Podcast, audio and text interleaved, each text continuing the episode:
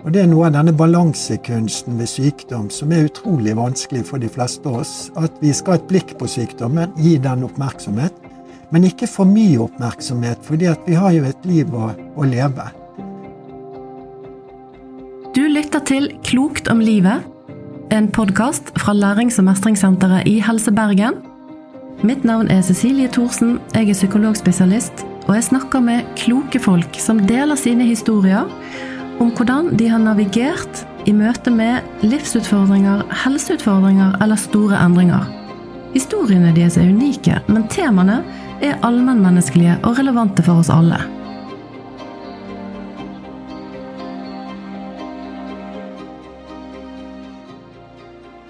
I dag har jeg gledet meg enormt til å introdusere han som eh, jeg skal snakke med i dag, som er Torkil Berge. Han er psykologspesialist og er en virkelig fremragende og fremtredende fagperson og utøver innen klinisk helsepsykologi her i landet. Eh, han jobber med det er kort oppsummert vil kalle rett og slett hvordan man kan leve godt med sykdom. Og det har han jobbet med i årevis. Så velkommen til deg, Torkil Berge. Ja, takk for det. Kan ikke du si litt om hvor du jobber, og det som er kognitiv terapi, som er utgangspunktet for den måten som dere jobber på? Ja, jeg jobber på Diakonhjemmet sykehus i Oslo, og der har vi etablert en egen enhet som har et fryktelig langt navn. Det heter Enhet for psykiske helsetjenester i somatikken. Og det er da psykologer i hvit frakk som eh, deltar i behandlingen av pasienter med ulike sykdommer, sammen med lege og fysioterapeut, sykepleier og alle de andre. Og vår oppgave da som psykologer er ofte dette å kunne gå inn og, og snakke med pasienter om hvordan forholde seg til sykdom, smerter, utmattelse og disse problemene som ofte følger i kjølvannet av, av sykdom. Sånn at eh, den, Vi syns det har vært veldig veldig spennende. Vi holdt på en ti års tid, da.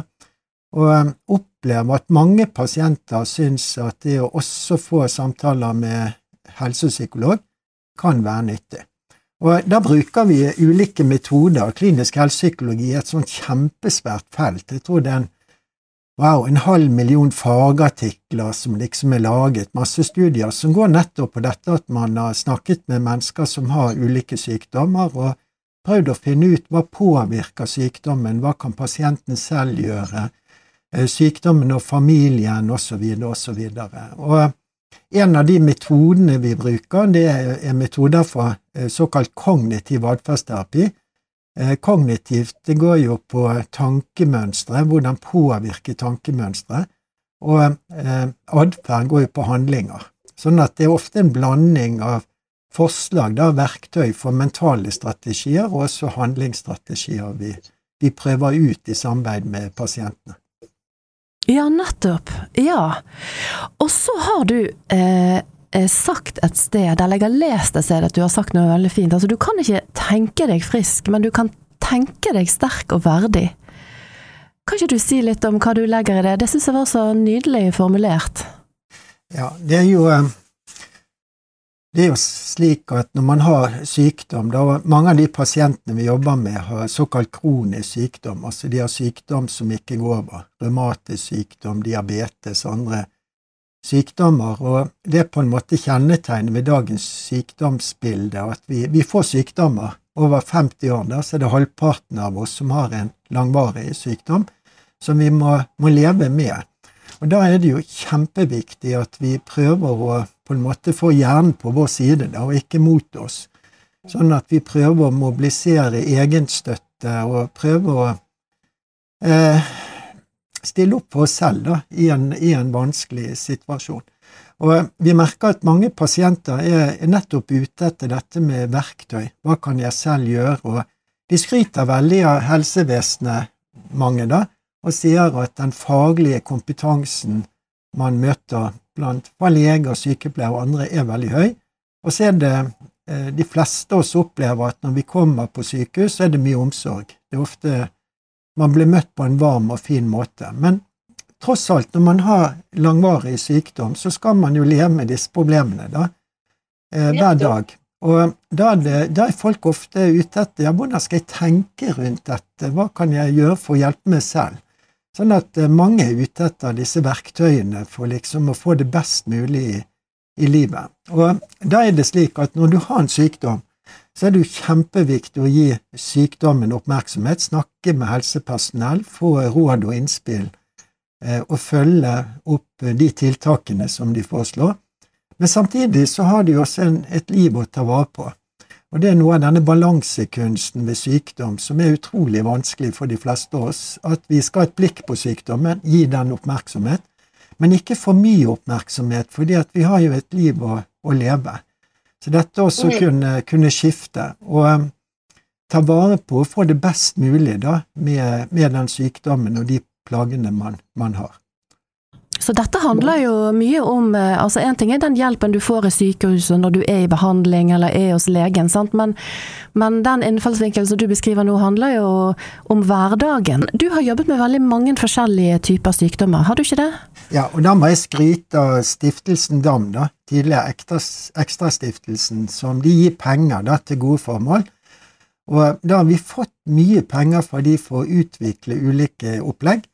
Eh, hvor vi lager der typisk en arbeidsbok for pasient, eventuelt pasient og pårørende, og så har vi en veileder for helsepersonell. Og da har vi laget for vedvarende utmattelse knyttet til ulike sykdommer. Eh, alt fra eh, utmattelse som en seneffekt av kreftsykdom, svært problem for mange, eller utmattelse forbundet med revmatisk sykdom, ME, irritabel tarmsyndrom osv. Så, videre. så da har vi ett opplegg, og det ligger ute på en, på en nettside da, som heter kognitiv.no. Så hvis man går inn der og klikker seg fram til utmattelse, så finner man en fin arbeidsbok der. Og så kan man også klikke på søvnproblemer, for da har vi også fått midler fra Stiftelsen DAM til å lage et opplegg som en arbeidsbok da, for pasienter som har søvnproblemer. Og hvis du har sykdom, smerter, hetetokter, klue, alt det som er alle disse plagene forbundet med sykdom, så kommer også ofte søvnproblemer i tillegg. Og så har vi et tredje opplegg som går på irritabelt tarmsyndrom.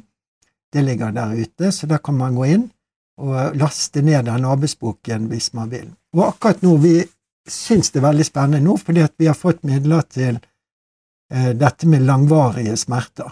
Og da skal vi lage en arbeidsbok for alle typer sykdommer som er forbundet med langvarige smerter, men foreløpig så har vi et opplegg for pasienter med revmatisk sykdom og langvarige smerter. Og da har vi noen fra Vestlandet da, som er med i våre digitale behandlingsgrupper. Så hvis det er noen som hører på som har revmatisk sykdom og langvarige smerter, så kan dere klikke dere fram til oss på Diakonhjemmet sykehus, så kanskje det kan være et tilbud for, for deg. For dette er jo det som du viser til på kognitiv.no, her er det jo mye som man kan gjøre selv. Dette er arbeidsbøker som du selv kan bruke, ikke sant? Ja, det, det er tanken, og, og, da kan man eh, fordi at vi har digitale grupper for irritabelt tarmsyndrom og langvarige smerter, men ellers er det fysiske grupper på selve sykehuset. Men det vi foreslår, det er at man kan gå inn som, hvis man har slike problemer, kikke litt på opplegget, og så kan man ta kontakt med fastlegen sin, fysioterapeut, eh, psykolog, andre faggrupper, og, som man har tillit til, da, en person man har tillit til, og så høre om vedkommende kunne tenke seg å være en partner i dette opplegget.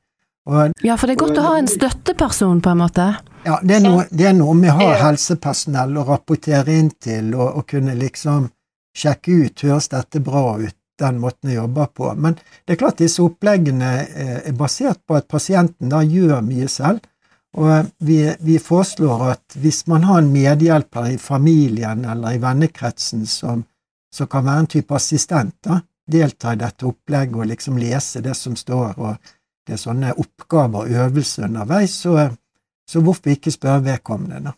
Så, eh, så det er ikke alle som Eh, fordi at man må jo lese en del, og så er det en del å gjøre. Og hvis man da har både smerter og utmattelse, så kommer jo alle disse tingene på toppen av det man allerede sliter med og har krefter til. Og, så det vi pleier å si til pasientene, er at hvis man tenker dette er noe som man har lyst til å gjøre, altså at, for det er ikke alle som syns denne måten å jobbe på passer, men, men veldig mange syns det, så kan man tenke rundt at dette er en måte å prioritere seg selv. Eh, og på en måte da gå inn og så se på hverdagen, tenkemåter forbundet med plagene, og hvordan man kan prøve å legge til rette for å ha best mulig hverdag. Da. Et liv som er verdt å leve, selv om man har disse plagene i tillegg. Ja, for i disse arbeidsmetodene deres, så, så går man seg sjøl ganske så nøye etter i sømmene, sant? Både på hvordan en tenker og hva følelser som følger med, og hva, hva man faktisk gjør i atferd. Har, du et eksempel på, på, en, på, en, eller annen sykdom der dere jobber med det, så du kan dele litt? Så vi kan ha noen sånne knagger å henge det på? Ja, ved, ved, ved utmattelse så og det, det, gjelder jo mange sykdommer, så er noe av det vi gjør, det er det at vi ber pasientene om å kartlegge hva de gjør faktisk i totimersbolker da, hver dag i en uke, eventuelt tre representative dager hvis de hvis de syns en uke blir for mye, og på en måte sette nærlys på seg selv, og så prøve å analysere hvilke aktiviteter er energigiver i mitt liv. Og det står i disse arbeidsbøkene også litt sånn tips til dette med, eh, med ulike psykologiske behov som er viktig for oss mennesker å få dekket i hverdagen, for dette med tilhørighet, for å føle at man duger, at man gjør ting hver dag som man føler man duger, og dette med valgfrihet, autonomi. Eh, så det er en del forslag til hva man kan se etter. Så da sier vi at dette kan jo oppleves som ubehagelig, fordi at da tar man nærlys på seg selv, ser på sitt eget liv og ser litt på sammenhengen mellom plager og hvordan man har det. Og, eh, men de fleste av pasientene sier etterpå at eh, det der var veldig nyttig, for det ble mer sånn konkrete data. Så istedenfor å tenke litt sånn generelt hvordan er mitt liv og min hverdag nå, så fikk man liksom samlet informasjon. Eh, ved irritabelt tarmsyndrom eh, der legger vi mye vekt på eksponering, så det er jo om kosthold og andre faktorer som påvirker. Men, men der er vi også veldig konkret på kartlegging av tankemønstre forbundet med, med, disse plagene, men også helt konkret hva man gjør. Og i, i forskningen rundt disse behandlingsoppleggene så sier de at noe av suksessfaktoren er jo eh, detaljert kartlegging. Sånn at, og Alle mennesker er forskjellige, alle disse sykdommene, plagene, er forskjellige, så det er noe med å på en måte da prøve å få en mest mulig presis beskrivelse av sine egne mønstre, og med en mulighet for å åpne opp og f.eks. å snu onde sirkler til, til gode sirkler. Da. Ja, og det, da er det jo veldig viktig å bli kjent med seg sjøl, så da må man gjøre den jobben det er. Å investere i, eh, i eh, å prøve å hjelpe seg sjøl med å gjøre den jobben. Hvordan er det her faktisk for meg, og hva er det jeg faktisk tenker, og hva skjer, og hva gjør jeg nå? For det er jo en jobb. Sant, når du går inn i dette? Ja, jeg er helt enig. Det er en jobb. Og, og, det, og for eksempel dette med tankemønstre. Det, det er vanskelig, fordi at eh, filosofene da, de sier at vi mennesker har ikke et selvbeskuende forhold til egne tanker.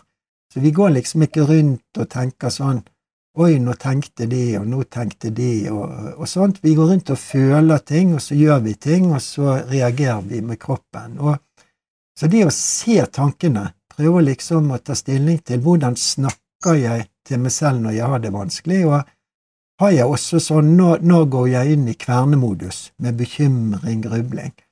Eh, og det, det, er en del mental trening, dette å kunne se tankene. Så jeg bruker av og til et eksempel da med tenk på en fisk. Tenk på en fisk som svømmer i vann. Tenk på en fisk som plutselig tenker herregud, det er jo fullt av vann der. Sånn at når jeg ser de andre fiskene, så ser jeg dem gjennom vann. Og nå kan jeg lite om fiskens psykologi. Kan masse om høner, at høner er 20 år. Så spør meg om hønens psykologi, kan vi, men lite om fiskens psykologi. Men min tro er at fisken ikke ser vannet. Og vi mennesker svømmer i våre tanker. Eh, hjernen pumper tanker som hjertet pumper blod. Og når vi har det bra, gode følelser, hyggelig samvær med andre, vi har det bra, så er disse tankene, denne strømmen av tanker, er ofte sånn hyggelig. Men når vi har smerter, når vi er nedstemt, når vi er fortvilet, så vil disse tankene ofte være veldig mørke, og de påvirker oss. Ja, kan ikke du gi noen eksempler på noen sånne tankemønstre som ikke hjelper oss? Kan du det? Som er veldig vanlige, og som vi egentlig ikke ser der vi svømmer rundt i de. Litt sånn blind. Ja, altså ved, ved, ved sykdom, smerter, plager, så er det en økt risiko for å bli deprimert. Enten få sånne depressive plager, sånn at man ikke nødvendigvis får en, en sånn behandlingstrengende depresjon, men, men, det er sånn at det er en økt risiko for å bli deprimert. Og, og hvis man blir mer mot det depressive, så får man en strøm av tanker knyttet til at man mangler verdi som menneske, at andre folk ikke setter pris på en, at livet er meningsløst, og depresjon er på en måte den tilstanden som svekker håpet mest, sånn at det blir vanskelig å se at du har noe fremtid. Sånn at når vi presenterer disse ulike verktøyene, så sier vi at eh, dette kan hjelpe når det gjelder å på en måte forholde seg til sykdommen og plagene på en god måte, ta vare på hverdagen, men også prøve å forebygge det å bli deprimert. For hvis du blir deprimert, så blir alt verre.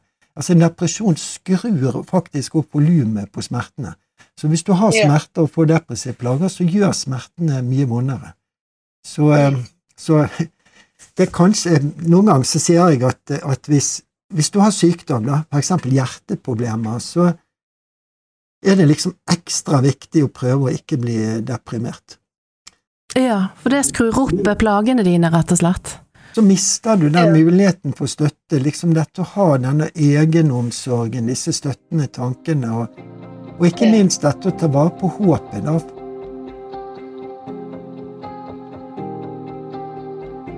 Fordi at eh, Hvis det er noe vi trenger når, vi møter, når kroppen på en måte begynner å svikte oss da, og plage oss, eh, så trenger vi å ha håpet, sånn at vi eh, kan tenke konkret hvordan skal jeg gjøre min hverdag bedre, og hva kan jeg gjøre for å nå dit jeg ønsker. Så håper er, uansett hvor ille det er, så kanskje håp noe av det viktigste vi har. da i møte med Ja, kanskje du Og ja, det er jeg så veldig enig med deg i. Det er så mye kraft i håp, syns jeg. sant? Det, det er, håp handler jo om morgendagen og fremtiden, rett og slett. Kan ikke du si litt om hvordan du tenker at det er så viktig for oss når vi, når vi har det vanskelig òg, at vi kan få kontakt med at det er en eller annen form for håp? Ja, og da, da gjelder det mye god forskning å bygge på. Det har vært blant annet eh, forskere innenfor sykepleie har forsket om håpets rolle ved kreftsykdom. Og så er det en psykolog, da, han heter Schneider Schneider. Eh, og han forsker, han er vel død nå, da, eh, ble gammel til slutt og forsket helt til det siste på dette med håp ved ulike sykdommer. Og det disse håpsforskerne sier han, det er det at håp er jo en følelse. Men håp er også eh, tanker. Sånn at vi, vi har det du kan kalle håpefullt selvsnakk. Og så skiller de mellom ønsketenkning, som trolig ikke er så veldig bra når man har problemer i livet, og liksom tenke seg vekk, da. Men de mener at håp er knyttet til at du har tanker om hvordan hverdagen din, morgendagen for eksempel, kan bli noe bedre, og så får du også tanker om hvordan du kan nå disse målene.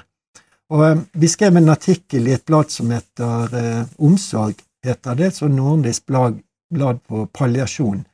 Og det er for pasient, Eh, fagfolk da, som jobber med pasienter som, hvor man har sluttet med kurativ behandling. Og Innenfor palliasjon da, så sier de at, at håp for disse pasientene eh, er et bærende element. Og hva kan håp være? Håp kan være at eh, dagen i dag kan bli bra. Eh, håp kan være at da vet du at du trolig har begrenset tid å leve. Mm. Og så blir det liksom ekstra viktig å tenke, når du har den tiden som er så til de grader umistelig, hva kan du håpe å få plass til, da? Eh, så det er en veldig viktig, viktig del. Og det du sa der, Torkil, Torkel, syns jeg var et veldig vesentlig poeng, for det er jo mange måter å håpe på.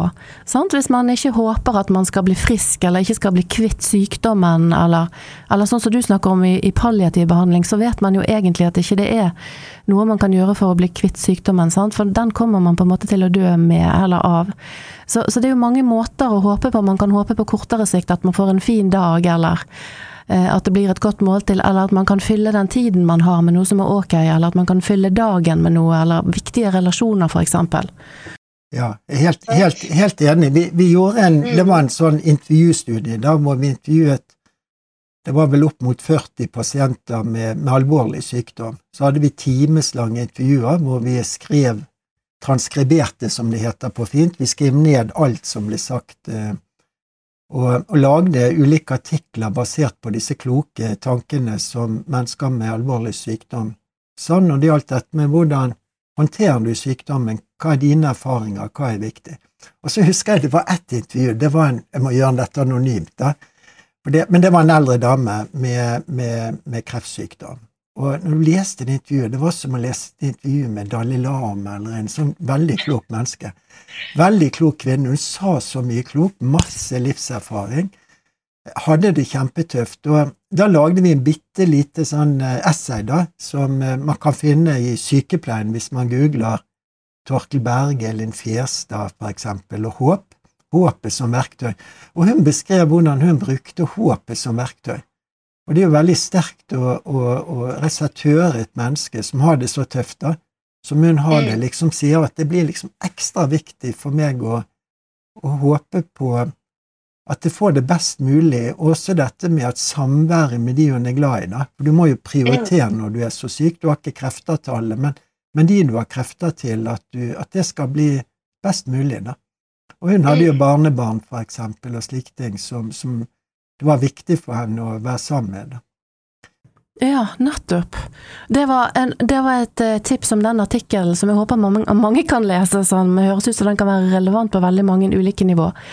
Og så du, så har jeg så lyst til å spørre deg om det motsatte. Jeg skal ikke si det er det motsatte av håp, men en måte å ha det på, og en følelse, eller kanskje òg en måte å tenke på, som vi òg vet litt om, og det er bitterhet. Hva vil du si om det? Ja, jeg, jeg har vært interessert i det temaet i, ja. i, mange år. Jeg har nesten, jeg begynner å bli litt eldre, så nå har jeg nesten vært psykolog i 40 år. Så jeg har møtt mange mange tusen mennesker etter hvert i ulike sammenhenger. og noe, i, ulik psykoterapi og gruppeterapi og slike ting. Og for noen pasienter så opplever jeg at, at bitterhet blir et tema. Og vi fikk endelig satt oss ned, da, Elin Fjærstad og Bente Bull Hansen, da, en lege, og, og, meg. Så skrev vi en artikkel da, som heter Bitterhetens byrde. Bitterhet som tema i psykoterapi. Og den kan man google. Den ligger ute på, på nettet som artikkel. og Den er jo skrevet for fagfolk, men jeg får faktisk stadig vekk e-post fra folk flest da, som har lest den og på en måte kjent seg igjen i dette med bitterhet, og, og spurt liksom hvordan de kan kan få hjelp til dette, om det finnes type behandling jeg kan tipse om, og, og sånn. Bitterhet er jo en Jeg har lyst til å si først at bitterhet er jo en viktig følelse i likhet med andre følelser, sånn at vi trenger bitterhet eh, som en del av denne følelsespaletten da, som vi mennesker har. og det er jo rett og slett mye urettferdighet, og det er mye ting å kunne føle bitterhet for. Ja, Men trenger vi bitterhet, tenker du? Ja, jeg tror det. Var litt interessant at du sa det sånn. Ja. men i moderate doser, sånn at bitterheten ja. byrde, det er det at når man på en måte blir fastlåst i bitterhet og Disse forskerne på følelser de sier at bitterhet er en følelse som ligger liksom mellom sorg og sinne. Og det deler sinnet med at det er noe urettferdig du opplevde at noen har gjort noe mot deg som du er bitter for, du er sint på det. Eh, men så har det også en likhet med sorg at du kan ikke gjøre noe med det. Så det er en sånn maktesløshet, sånn at du blir sittende og tenke på dette. Og bitterhet er på en måte en, en følelse som både er en belønning og straff. Så når vi er bitre, så kan vi sitte og tenke på hva vi kunne ha sagt og gjort og, og, ja. og, sånn. Nesten så vi kan fortjene å være litt bitter, sant? for da, ja. da, har vi en god grunn til å få lov å ha følelsen, nesten. Ja, det også, men vi kan også se for oss at hva vi kunne ha sagt til den eller de vi er bitter på. Men, men, så er det jo en straff fordi at vi får ikke gjort noe med det. Eh, så man blir sittende fast i dette. Og da sier disse forskerne på bitterhet, bitterhet det samme som forskerne på håp, at ja, Bitterhet er en følelse, men det som på en måte opprettholder bitterhet, det er hva vi tenker, som bitter selvsnakk. Sånn at man stadig vekk begynner å kverne på dette, tenke tilbake på, på det som har, har skjedd. Og, og det, egentlig så er dette veldig veldig ulykkelige mennesker fordi man opplever noe man har opplevd som veldig urettferdig. Tenker man mye på det, Og så blir denne urettferdigheten levende inni oss, da. Man blir liksom Så det er akkurat som et sår som blir revet opp igjen, opp igjen. Og Nelson Mandela eh, sa at eh, bitterhet er som å drikke gift og håpe at en annen dør.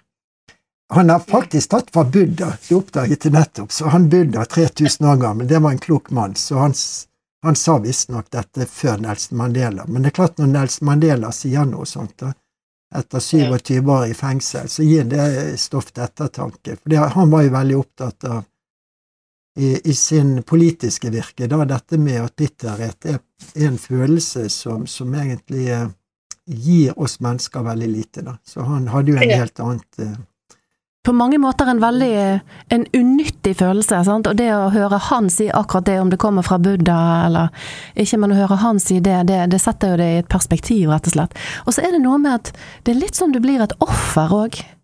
Eh, hvis du blir sittende med bitterhet. Eller hva tenker du om det? Jeg, jeg tenker jo det at det å, det å, sitte i en sånn offerposisjon, det er ikke en særlig, særlig konstruktiv posisjon å være i. Nei, ikke over tid. Så det er noe Nei. med dette med varigheten av bitterhet ja. og varigheten av offerrolle, og, og, et offer, da. For det, altså, mange har jo mm. kjempegod grunn til å føle bitterhet, sant. Og, ja, og, og ja. har et offer for ting, f.eks.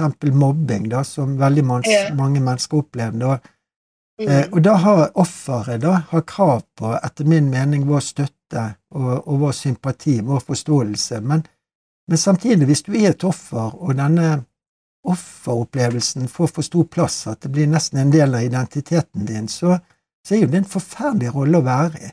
Fordi at du, det blir på en måte en rolle hvor du, hvor du føler at du ikke kan påvirke eget liv. Så jeg syns det har vært kjempespennende å jobbe med mennesker som har mye bitterhet, hvor vi først har og det tror jeg er kjempeviktig. Jeg Snakket om bakgrunnen for dette, og, og, ofte, stort sett, så er det veldig, veldig lett for meg å forstå at disse personene har den følelsen. Eh, men så er det noe med hvordan kan du på en måte gjenerobre livet, sånn at du har et liv som er, er verdt å leve. Men du, skal jeg si, si, noe vi snakket om når vi skrev artikkelen? Ja. det, ja, det syns jeg var spennende. Bare kjør på med det.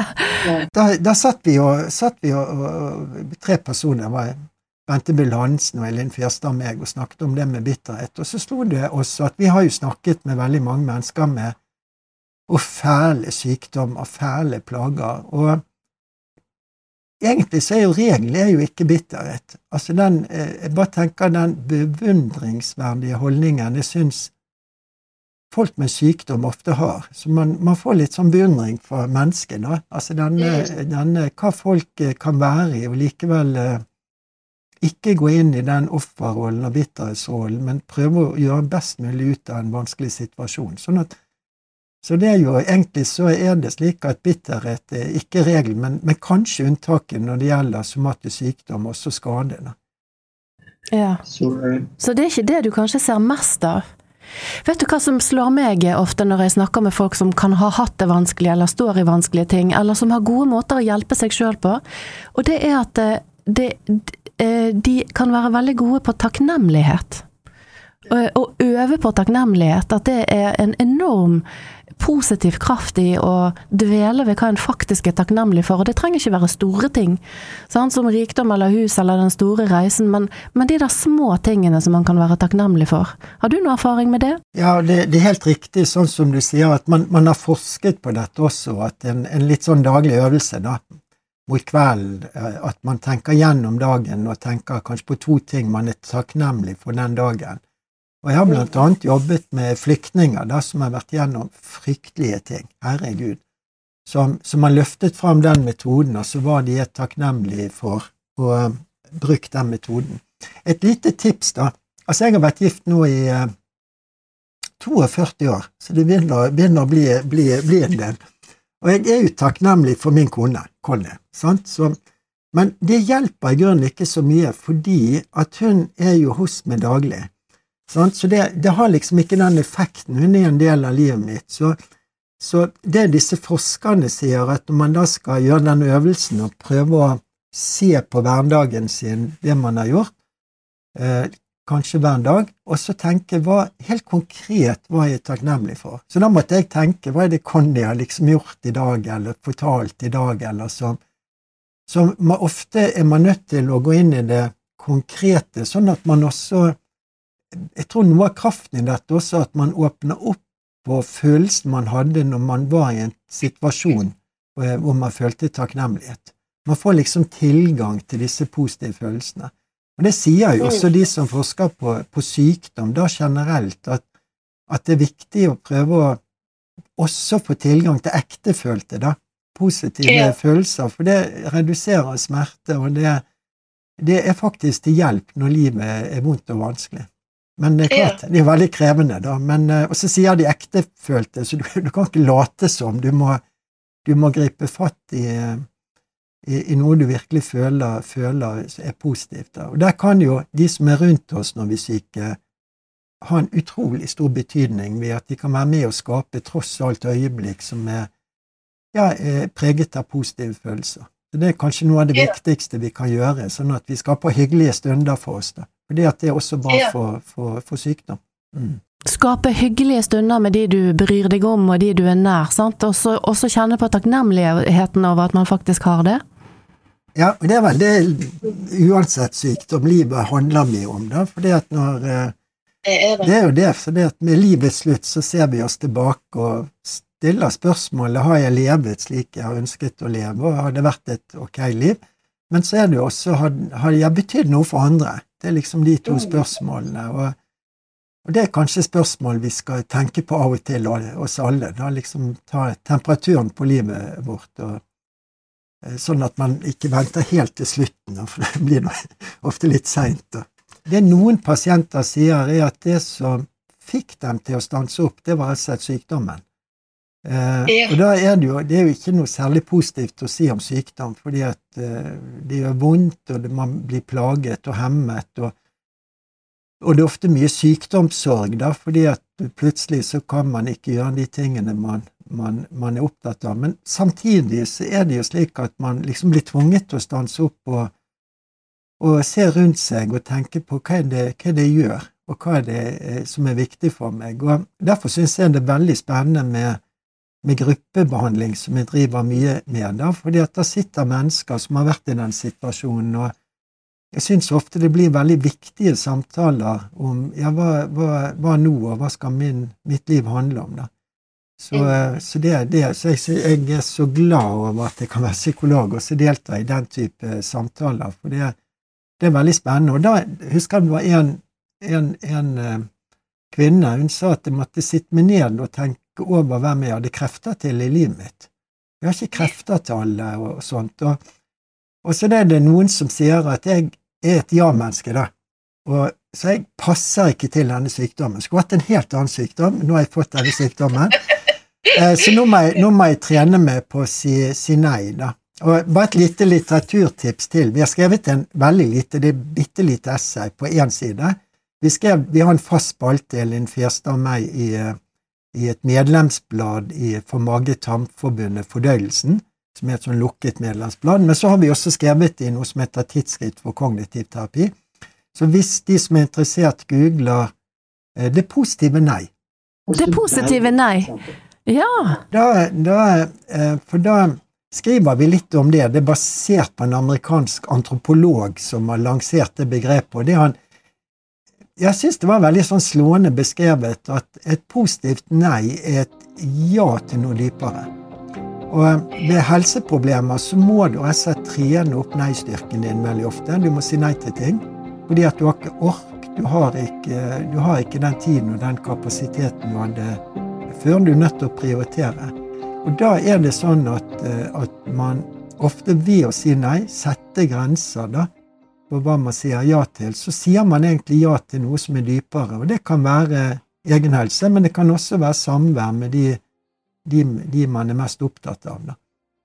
Og det syns jeg var en nydelig måte å si det på, fordi at ofte når man setter nei, eller skal si nei til noe, så er det forferdelig vanskelig, for man kan føle man, man nesten avviser noen som ber om noe, eller noen invitasjoner, eller at man går glipp av noe hvis man sier nei. Men, men den tanken å tenke at nei, jeg sier nei til det fordi jeg sier ja til noe som er viktigere eller dypere, det syns jeg var en nydelig måte å si det på.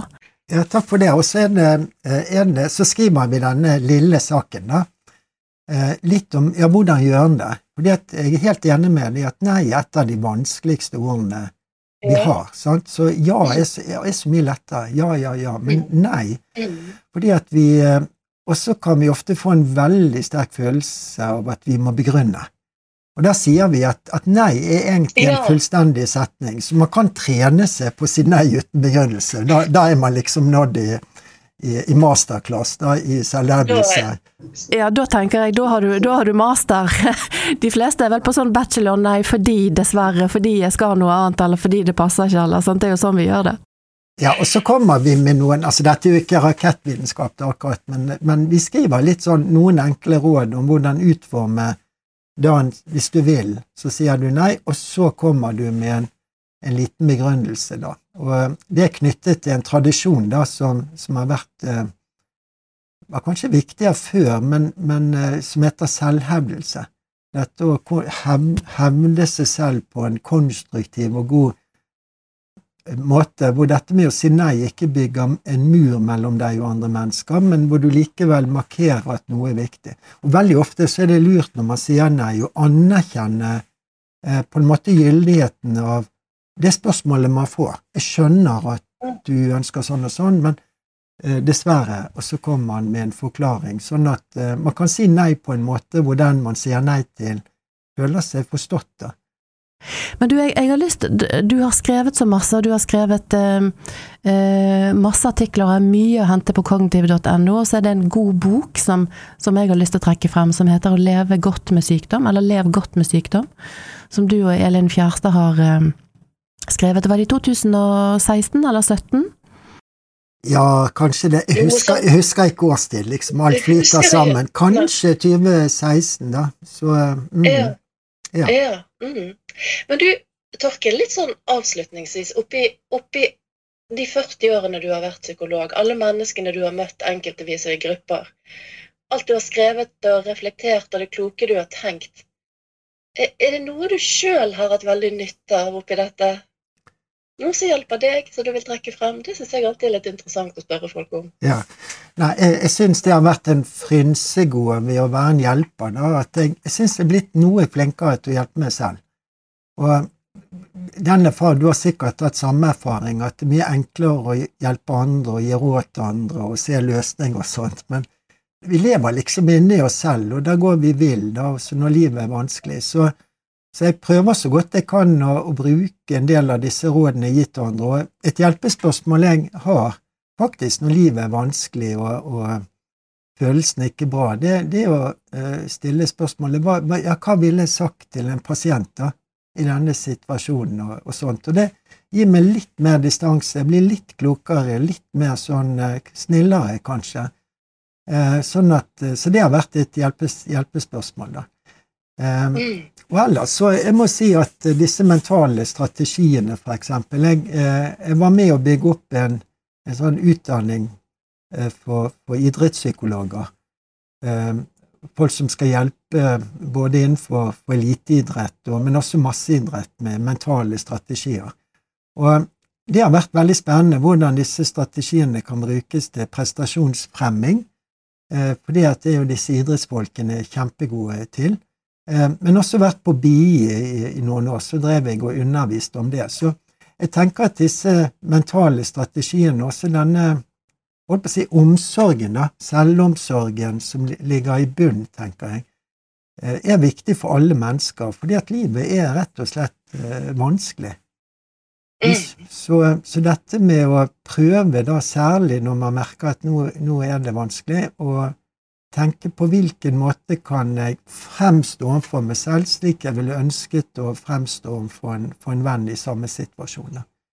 Og det, det er, eh, da får vi litt sånn distanse til ting av og til, og noen ganger så er vi jo mye strengere og hardere med oss sjøl, og slemmere med oss sjøl enn det ville, vi ville vært til andre. Vi ville aldri tenkt sånn om andre, eller sagt sånt selvsnakk til oss sjøl.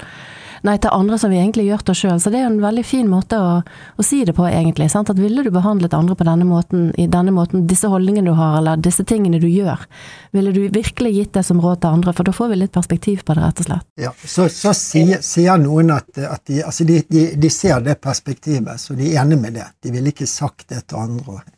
De har jo Mm. folkeskikk og, og slik, så ville ikke sagt det. Men, Men det de da kan si, at ja, men det sier at andre føles riktig for dem, men det føles feil for meg. Og det tror jeg noe av, av det som gjør eh, at dette med mentale strategier ikke er enkelt, det er noe man må trene på. fordi at man har ofte følelser, eh, selvkritikkfølelser, eh, angst, eh, følelser som trekker i en veldig negativ retning. Sånn at disse tankene man har som er negative, de føles riktig. De blir på en måte validert, da, bekreftet av følelsene vi har. Sånn at når man jobber med tanker, så må man også prøve å jobbe med, med følelser, da. Og man har andre typer følelser å gå inn i, så man må jobbe både med tanker, og så man må jobbe med, med følelser, der man kan gi mulighet for, for, gode følelser, men også jobbe ikke minst med handlinger, da. Sånn at mm. Jeg sier ofte at en, en støttende handling som man kan gjøre også på seg selv, betyr mer enn ja, iallfall 100 år, da, kanskje 1000 år. Så det, ja. det å prøve å legge inn aktiviteter, ting man gjør som eh, er uttrykk for ja, egenomsorg, eh, tror jeg blir mm. ekstra viktig når, når, når, eh, når, livet er vanskelig. Og viktig å gjøre det selv om man føler at man ikke har fortjent det. Men du, jeg har et siste spørsmål til deg. og det er dette, Du snakket litt om det med idrettsfolk og dette med at man må trene på disse tankene og følelsene. Men det blir jo litt sånn mental styrketrening, dette her. Altså, dette må man øve på. Dette går ikke av seg sjøl, det er ikke lett. Eh, man må øve, og det tar litt tid, og du må holde det litt varmt, på en måte. Ja, helt det. Altså, det, er en, det var en av de likepersonene for Vi driver også med, med, med sånn lærings- og mestringskurs på, på senteret hos oss, og da var det en klok mann med revmatisk eh, sykdom og hatt utmattelse i mange år, som var med oss å holde kurset. Og han, han, sa at på en måte er det ferskvare, du må holde det ved, ved like det, det, er en ting jeg fikk lyst til å si der, for det, det, det, har jeg tenkt mye på, hvorfor det ofte er så vanskelig å endre tankemønstre. Og det er knyttet til at for mange av oss så blir disse tankene mentale vaner. Sånn at eh, bekymringsvane, kvernevane, selvkritikkvane, som, som eh, man kanskje har hatt i, i lengre tid. Og Da er det ikke nok med liksom en beslutning nei, nå skal jeg behandle meg selv ordentlig, og nå skal jeg trene på å gå av kvernebussen og skal ikke gjøre det lenger. For det, det er en vane, og hvis det er noe som er kraftfullt, så er det vane. De ruler og styrer oss. Mark Twain, da, det var han som skrev denne Tom Sawyer og Huckleberry Finn. Han skrev treffende at en vane kan ikke kastes ut av vinduet, den må lokkes ned trappen ett trinn om gangen. Og disse vaneforskerne, da, for de har forska på det, ja, vanepsykologi, masse forskning, de sier at det tar gjerne en sånn to-tre måneder å endre en vane, og med daglige repetisjoner. Særlig de to første ukene er viktig. Og så for de som hører på, da, som tenker at de ønsker også å endre ikke bare handlingsvaner, men også mentale vaner, så vær litt sånn snill mot dere selv, og tenk at du skal bruke den tiden eh, det trengs. Eh, fordi at det, det, tar, det tar, tid. Det syns jeg var en Det er ingen quick fix, og det, det syns jeg var en, eh, en, fin sånn påminner på slutten. At det er ikke noe quick fix, og man må ikke gi opp allikevel. Sant? For det tar lang tid å etablere en ny vane og en ny tenkevane. Eh, og så være med et litt annet vann enn det vi vanligvis ville gjort. Sant? Det er ikke bare bare det. Og så må man ikke gi opp allikevel, og kanskje prøve å tenke at det kan være håp, selv om man ikke får det til med en gang. Jeg tror vi runder av med det i dag. Og så har jeg bare lyst til å si tusen hjertelig takk, eh, Torkel Berge, for at du stilte opp til denne samtalen. Og jeg vet at dette vil være en samtale som vil være nyttig for veldig mange. Tusen takk skal du ha. Ja, takk i like måte.